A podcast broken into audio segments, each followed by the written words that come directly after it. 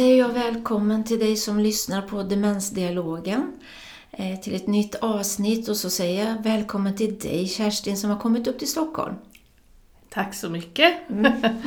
det blir ju inte lika ofta nu och det är ju lite tråkigt. Ja. Men så är det livet just nu. Vad är det man säger? Inte bättre sent än aldrig, men vi får säga bättre sällan än aldrig då.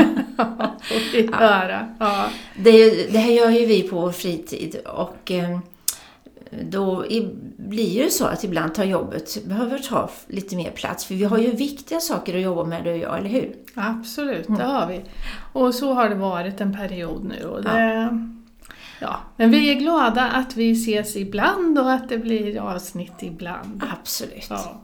Och det viktiga vi har att göra det är ju att vi, vi försöker bidra med i våra yrken också att göra det bättre för de som är sjuka, som drabbas av demenssjukdom och deras anhöriga och påverkar på olika sätt. Mm. Eh, och det är ju så att vi fånga, försöker fånga upp det vi möter i vår vardag, vad tycker att det här borde vi prata om och sådär.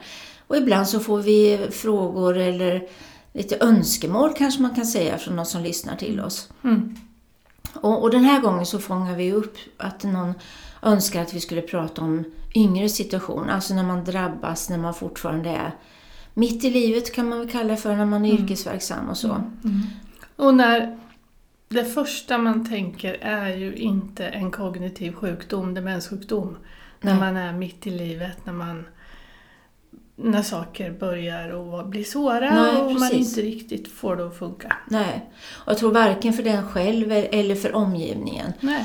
Och, och, det är väl det första vi skulle vilja uppmuntra till, att, att våga tro på sig själv. Man känner att det här är något som inte stämmer. För mm. många får, blir ju sjukskrivna och tankar att man är stressad, man har jobbat för mycket, man har för mycket omkring sig, man får en utmattningsdepression. Mm. Det är väldigt, väldigt många som jag har mött som är yngre som just har börjat så.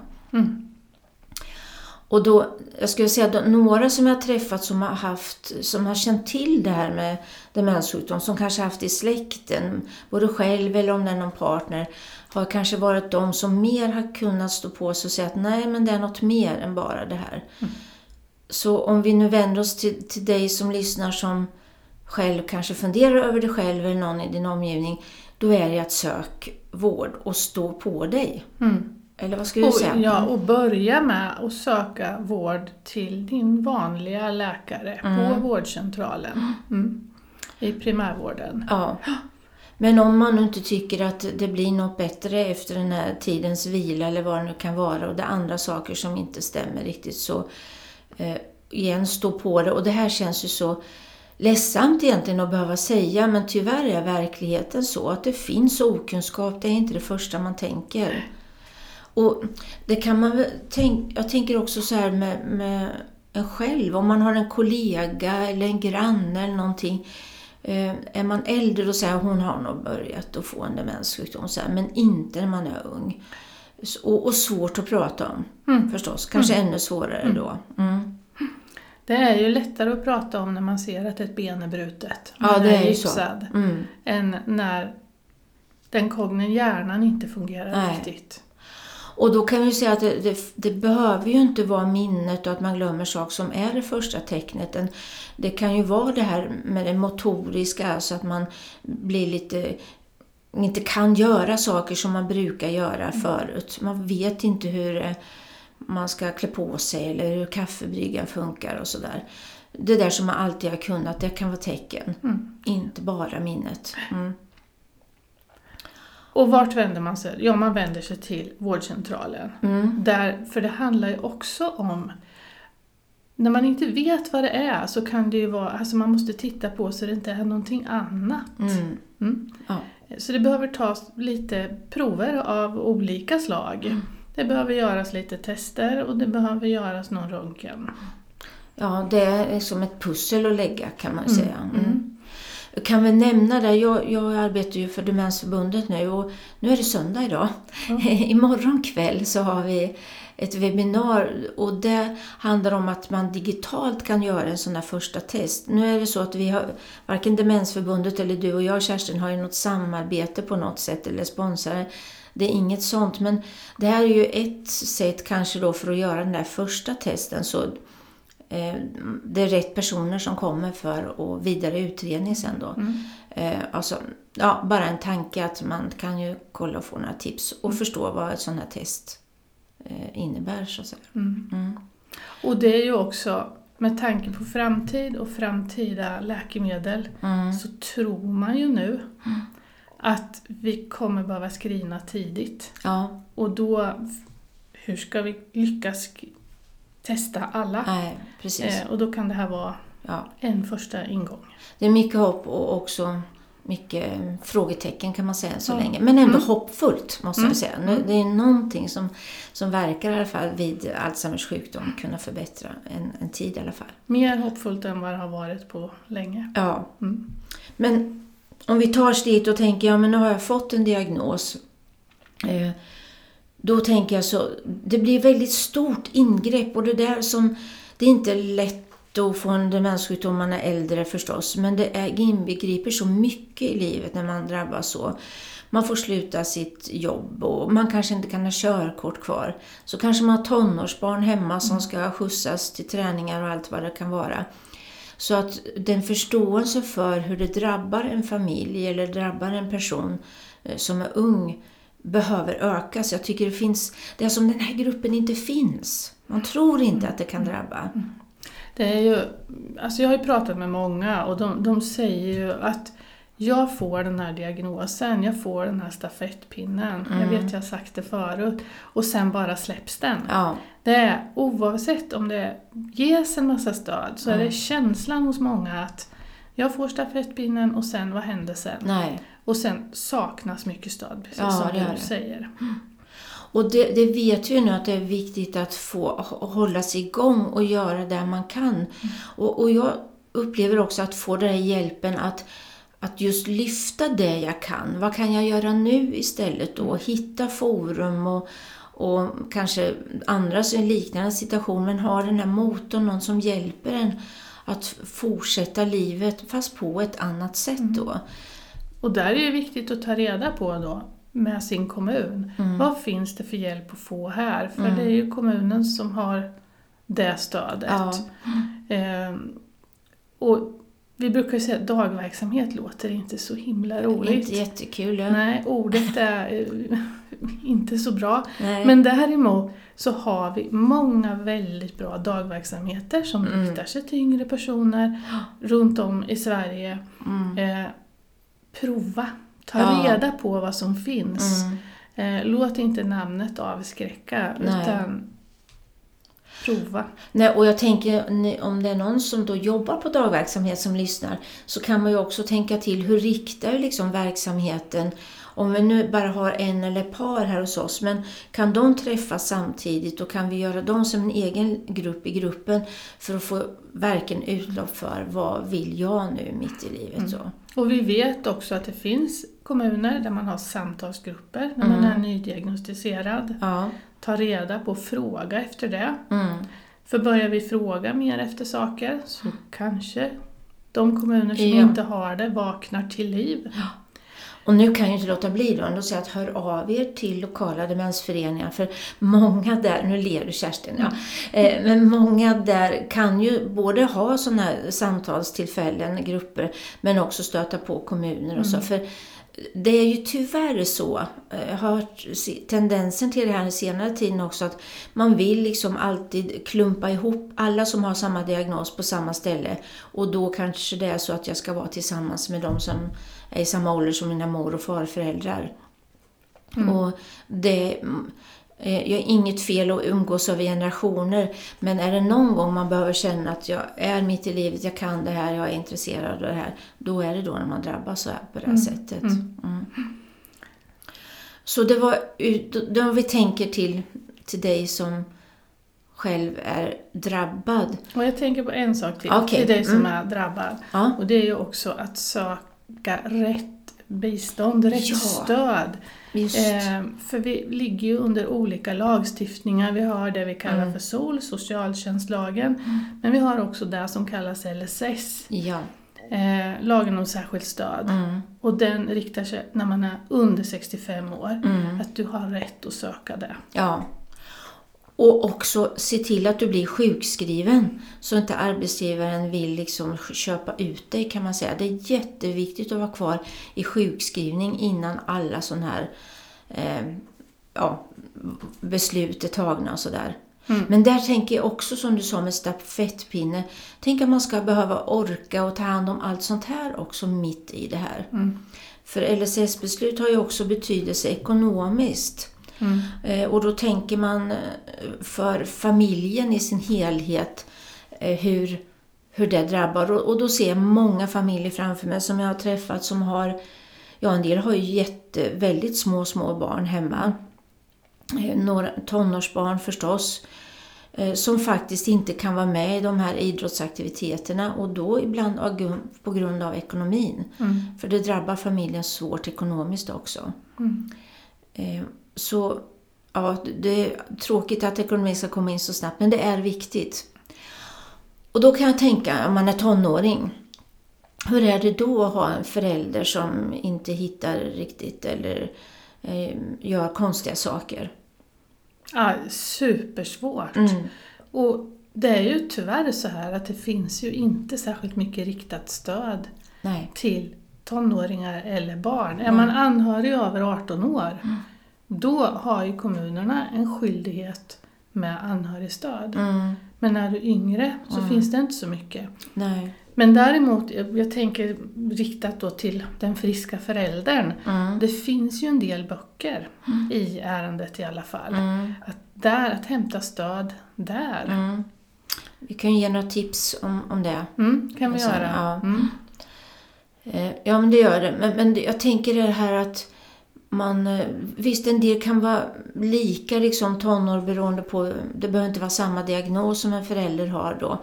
Eh, men det är ju också så många som blir misstrodda att man kan inte ha den här diagnosen. Nu har du förstått fel. Och, du vet, jag tänker på en tjej som jag mötte, hon har vuxit upp nu, men hon valde ju många gånger att inte berätta för sina kompisar. Hon såg till att ingen kom hem till henne mm. istället.